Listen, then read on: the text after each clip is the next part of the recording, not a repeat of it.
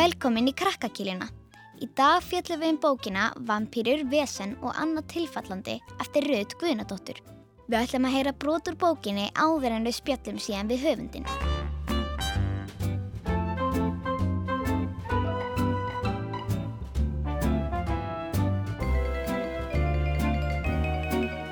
Mamma og pappi eiga eftir að verða svo stolt.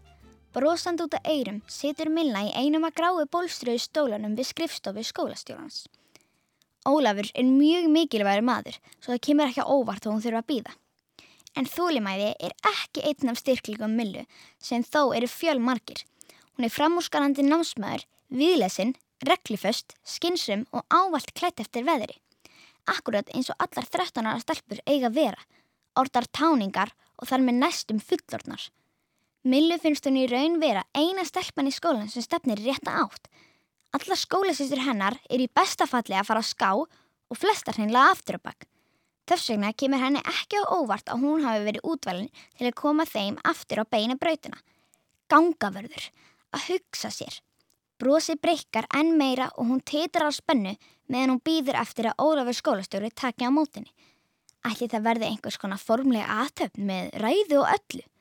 Milli bregður þegar hörðinni hrundi upp og ingengur kjartan starfræðikennari. Voðlega hann kvimpin greið. Hann tvístýr fyrir framann mótökurítaran og reynir að útskýra fyrir henni hvað hann vantar. Kjartan er aðeins og hávaksin að mati Milli en það er bara vegna þess að hæðin er ekki í réttu hlutvalli við restina af honum. Gerir hann beinabiran og ringlulegan svo letið eins og vesaræð trjágrein Hann liti strax betur út ef hann bara rétti aðeins úr sér. Háriði farið að þinnast sem hann reynir að fela með því að greiða yfir skallan. Hann er að minnstakosti með ágætist tískuvitt. Reyndar er flest fullorðið fólk betur klætt en börn, finnst milli. Engin heilvita fullvaksta manneska myndi mætaði leggings í vinnuna.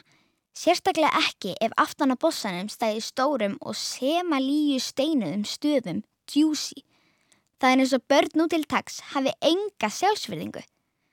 Mikið óskaplega vildi Milla óska þess að hún væri orðin fullorðin. Að hún geti bara spólað yfir næstu árin, lokað augunum þegar hún opnaði þau aftur væri hún komin í háskóluna. Lagadeildin í Harvard, umvafinn fólki sem kynni að metana, ólíkt bekkasískinum hennar sem eru öll verðandi dópistari að þaðan að verra. Nei, fullorðið fólk er hafið yfir svona bjánaskap. Kjartan er til dæmis í afar smekkleiri köplóttri skirtu með fjölubláð þverslifu, aðsniðinum brúnum buksum og neftri peysu í stíl. Enda er september og nokkuð kallt úti. Milla brosir. Já, hún gæfi kjartan er líklega tíu engin fyrir klæðina í dag. Skyndilega verði hann er litið niður og sér þá að hún fagnaði og fljótt. Hann er í sandilum og skærgulum sokkum. 8,5 þá. Það er svo sem ekkert að sandölum en gulur er ekki lítur fyrir fullarna karlmenn, heldur ókyngrind ungbörn. Mila mín, segir mátökurittarinn og brosir til hennar. Hann Ólafur er tilbúin að spjalla við þig. Mila vippar sér fimmlega af stólum og gengur rakleðis í áttu hörðinni sem mertir Ólafur Jóhannesson, skólastjóri. Þakka er kærlega fyrir eirun, svarar Mila og neyir höfuðu lítilega í átt til hennar. Sælvertu kjartan, bælir hún hræstlega við. Kjartan rekkur við og missir blagablunga á gólfið. Í flíti stekkur hann til og fyrir að sapna blöðunum saman á meðan hann byggst afsökunar í gríð og erg enda þótt óvíst sé hverjum afsökunarbeinin er ætluð. Millu finnst eins og hún byrja ákveðna ábyrð svo hún beigir sér niður og sópar saman okkur um blöðum. Þegar Milla réttir kjartanir blöðin strjúkast fingur hennar við hendur hans. Hún er ískallt. Fingurnir eins og grílukerti. Hún sér svitaperlinnar á enninu og tekur nokkur skref aftur og bakk. Kaldar þvalar hendur, sveittur í framann, hann örgla veikur og geti smitnað hana. Um leið og hún kemur heim ætlar hann að spyrja mömmu hvenar hún fór síðast í bólusetningu. Er COVID örgla að fara að fölta allt? Önnur bylgjan var nánast óhjákvæminleg en hvað með þriðji bylgjuna? Eða jafnvel fjörðu? Betra að hafa vara ná. Það kæmi sér askaplega ítla að verða lasin núna akkurat þegar hún er við það að verða gangaverður. Alveg hreint umurlegt að hún þurfti að ringja sig inn veika fyrstu vikuna í nýri ábyrðistöðu. Og svo er það Ösp, stórasýstin Millu, er búin að vera veik í marga mánuð. Hún er meira að segja upp á spítana núna. enn einn blóðpröfan, myndataka eða eitthvað annað próm sem hjálpar til að útskýra hvað amaður einlega aðinni. Engin læknir hefur getið fundið út hver sé ástæða enginnana. Skyndilegur svimi, yfirlið, kuldarhóllir og hitakóð til skiptis, síþreita, orkuleysi og fleira. Um leið og Milla stýgur inn á skrifstofu skólastjóran, lítur hún í átt til kertans. Hann seilist ofan í buksnavassan, fiskar upp eitthvað sem hann stingur upp í sig og kingir. Hann er pottitt lasinn, hugsa hún. Með rauða hunda, kórnaveruna eða kannski nóra á vírus. Hún finnir kunnarlegan kvíðanút hreyðra um sig í yðrunum en reynar fristan á sér. Það er jú ekki að hverjum degi sem að gerist gangavörður. Milla lokar dyrunum og snýr sér að Ólafi. Jæja Milla, hvernig hangir hann? spyr Ólafur skólastjóri eins og það sé eðlilegur hlutur til að segja við táninga. Hvernig hangir hver? spyr Milla þulla á móti. Ólafur flissar. Nei, bara, ég meina, því úlingarnir eru alltaf að finna nýja leiðir til að heilast. Ólafur skólastjóri er alltaf að prófa eitthvað svona. Að reyna að ná til ungmenna með því að hegða sér eins og hans sé sjálfur táningaströkkur. Hann vil til dæmis að allir krakkandir í skólinum kalli hann Óla Jó. Milli dettur ekki í hug neyn góð ástæða fyrir því að heilvita fullorðin mann.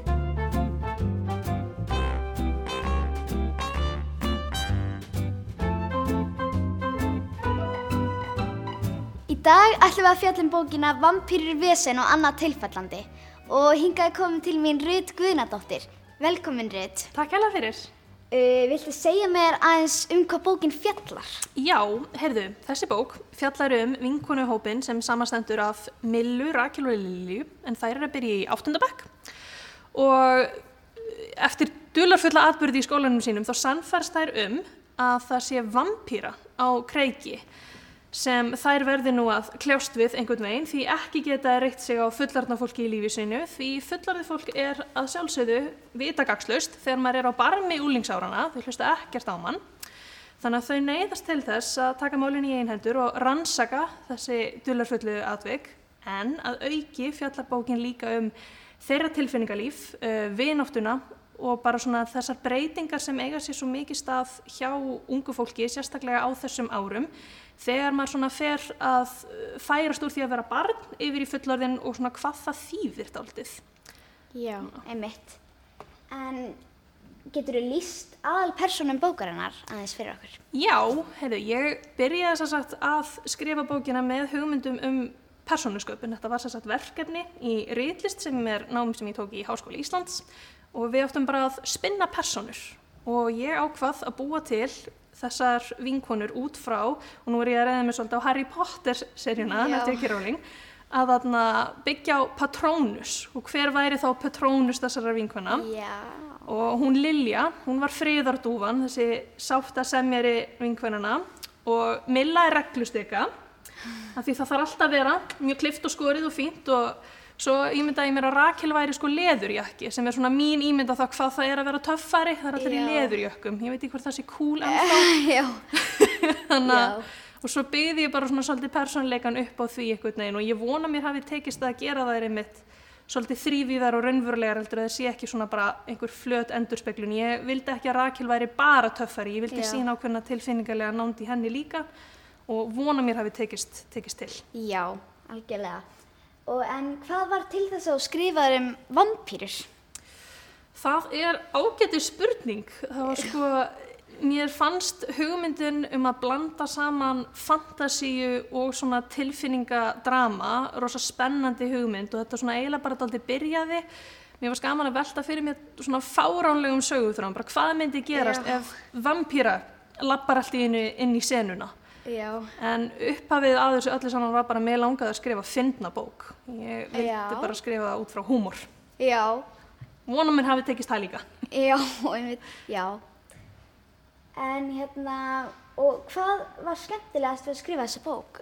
Nenni að segja hvað eins frá ferlinu bara. Úf, þetta er, þetta er svo skrítin spurning, það er svo, svo erfitt einhvern veginn. Já. út af því þetta, ég byrjaði að skrifa þessa bóka mitt í námi mínu í Háskóli Íslands fyrir þremur árum, þannig að hún hefur verið mjög lengi að verða til. Já, ok. og hefur farið í gegnum hreinsunaröldin uh, mjög oft. Já. na, ég hef ekki talað um það orð, það var einu svona fjórðastelpan sko, en hún einmitt varð svo svakalega flöt einhvern veginn að ég þurfti að taka hann út. Já, þjónaði engum tilgangi og það er einmitt þetta er svo erfitt þegar þú ert rítöndur, þegar þú áttar þig á því eitthvað sem þú ert búin að leggja mikla vinnu í passar bara ekki. Og þú verður að byrja alveg upp á nýtt. Og ég, ég skrifaði bókina að minnst okkar tvisasunum alveg upp á nýtt. En ég held að það skemmtilegast að við skrifin séu þarna samræðunar á milli stelprana já, þegar það rýfast ég, ég sit við, við leiklaborðið og flissa og hlæ yfir hvað mér finnst ég að fyndin að setja þær í þessar dramatísku aðstæður. Og þannig að það er mjög gaman þegar maður ma þegar manni finnst að personurnar sínar séu lifandi manneskur, þær búa í hausnum á mér ennþá og Já. þarna, ég, ég sé þar alveg fyrir mér sem ljóslifandi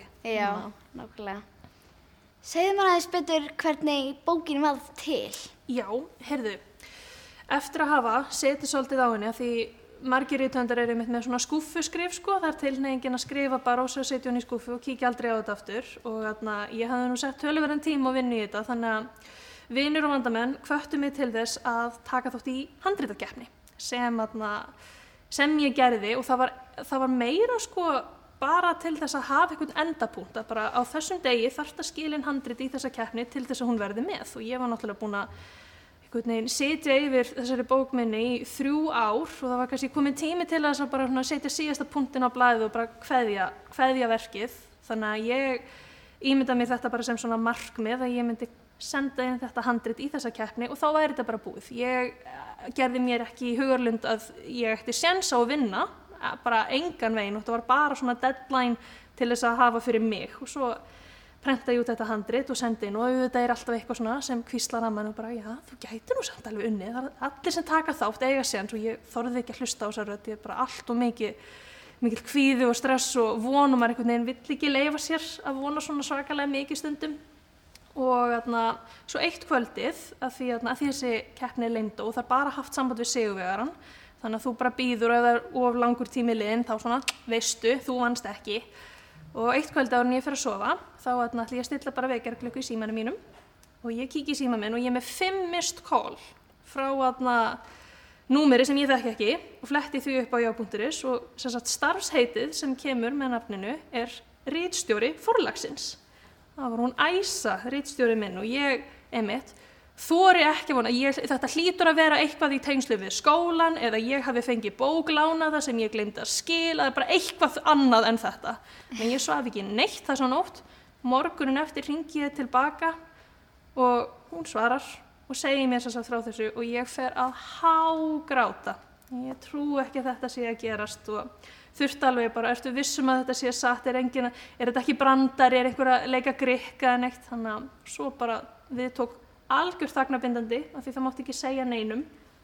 Kærastu minn, hann reyndar var vittni að því þegar ég fór að hágráta, svo svona hann varð að vita og mamma og pappi og svona, en annars satt ég bara á þessu í marga mánu og það er það erfiðasta sem ég hef gert.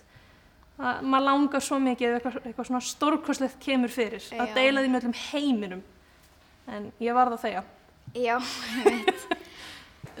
já og svo, svo var þarna bókin sem sagt, eh, þegar hún loksins kom út á aðtöp sem var haldin hjá forleginu þá þarna var svo gaman að mega að segja, segja loksins öllu frá og þetta var, þessu var sjónvarpað og, og áður, ég ætlaði sem sagt að ég var búin að undirbúa mig, að gera svona típiskan flottan Facebook status til þess að tilkynna núna vinum og vandamönnum frá þessu en þarna, þau voru bara fyrir til, það er náttúrulega komið frétt á vefmiðla og þegar ég tek síman upp þá var náttúrulega mikið af vinum sem höfðu samband og bara af hverju sagður mér ekki? Heldur ég hefði kannski já, ekki sagt heim en sagt nei, öllum sagt allum hinum Já. einmitt skilið út undan, nei, nei, nei, nei, það mátti bara enginn vita. Já, en það var náttúrulega með flóknara sniði út af COVID. Ég hefði náttúrulega vilja bjóða miklu fleirum og hafa miklu stærra útgáfuhóf og vonandi einhver tíma kannski í sumar og nú krossa maður fingur að þetta, þetta líði hjá og þá verði þetta halda einhvern veginn upp á þetta svona almennilega. En ég hef fengið svo fallegar kveðjur frá fólki í mínu lífi sem Já. er að springa úr stöldu fyrir mínu hönd og já, ég kann að meta það. Þetta er mjög flott bók. Takk fyrir. En nú fannst mér þessi bók ótrúlega skemmtileg Mér langar að vita hvort það verði framhald Heyrðu, það er, uh, það er spurning, sko. Þarna, ef það verður framhald þá þarf það að vera virkilega góð bók. Ég ætla ekki bara að skrifa eitthvað með þessar personur. Þannig að ég er byrjuð að vinna í Já. handriti.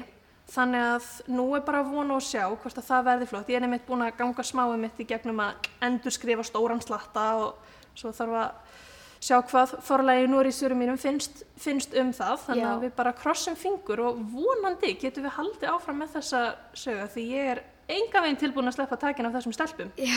og sveppi, hundunum. Já. Finnst þér sjálfur skemmtilegt að lesa sögur um yfirnáttúrulega verur eins og til dæmis vampýrur?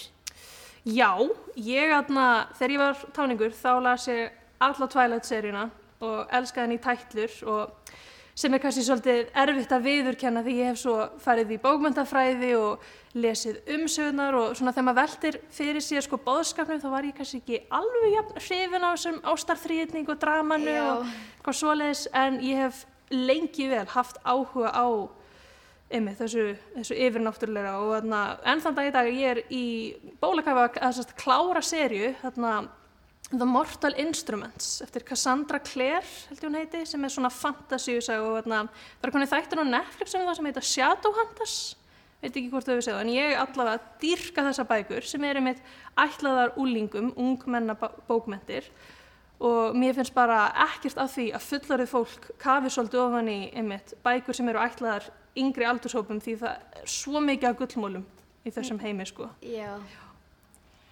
En, ertu með einhver skilaboð til krakka varandi lestur um, skrifa á sköpun?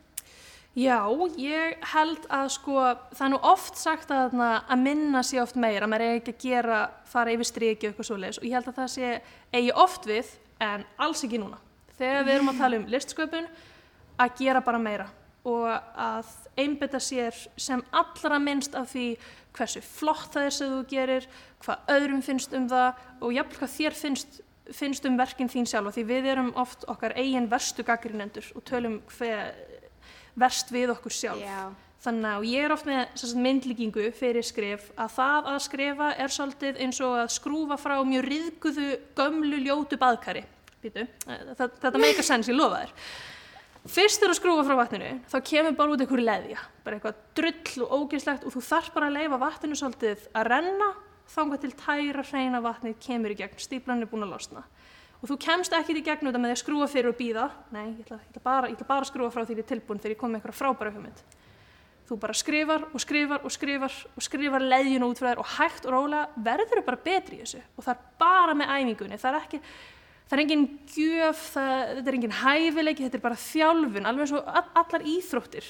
Þú hefur kannski áhuga á fótbolta en eina leiðin til að verða góð í fótbolta er að æfa þig Já. aftur og aftur og aftur. Og það á alveg við um listsköpun líka. Nákvæmlega. Takk kærlega fyrir spjalliritt. Og bara takk hérlega fyrir að bjóða mér.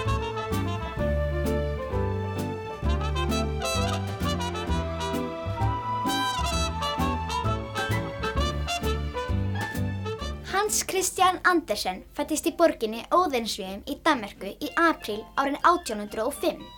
Hann skrifaði leikrit, ferðasugur, skáldsögur og ljóð en er langt þekktastur fyrir æventýrin sem hann skrifaði fyrir börn.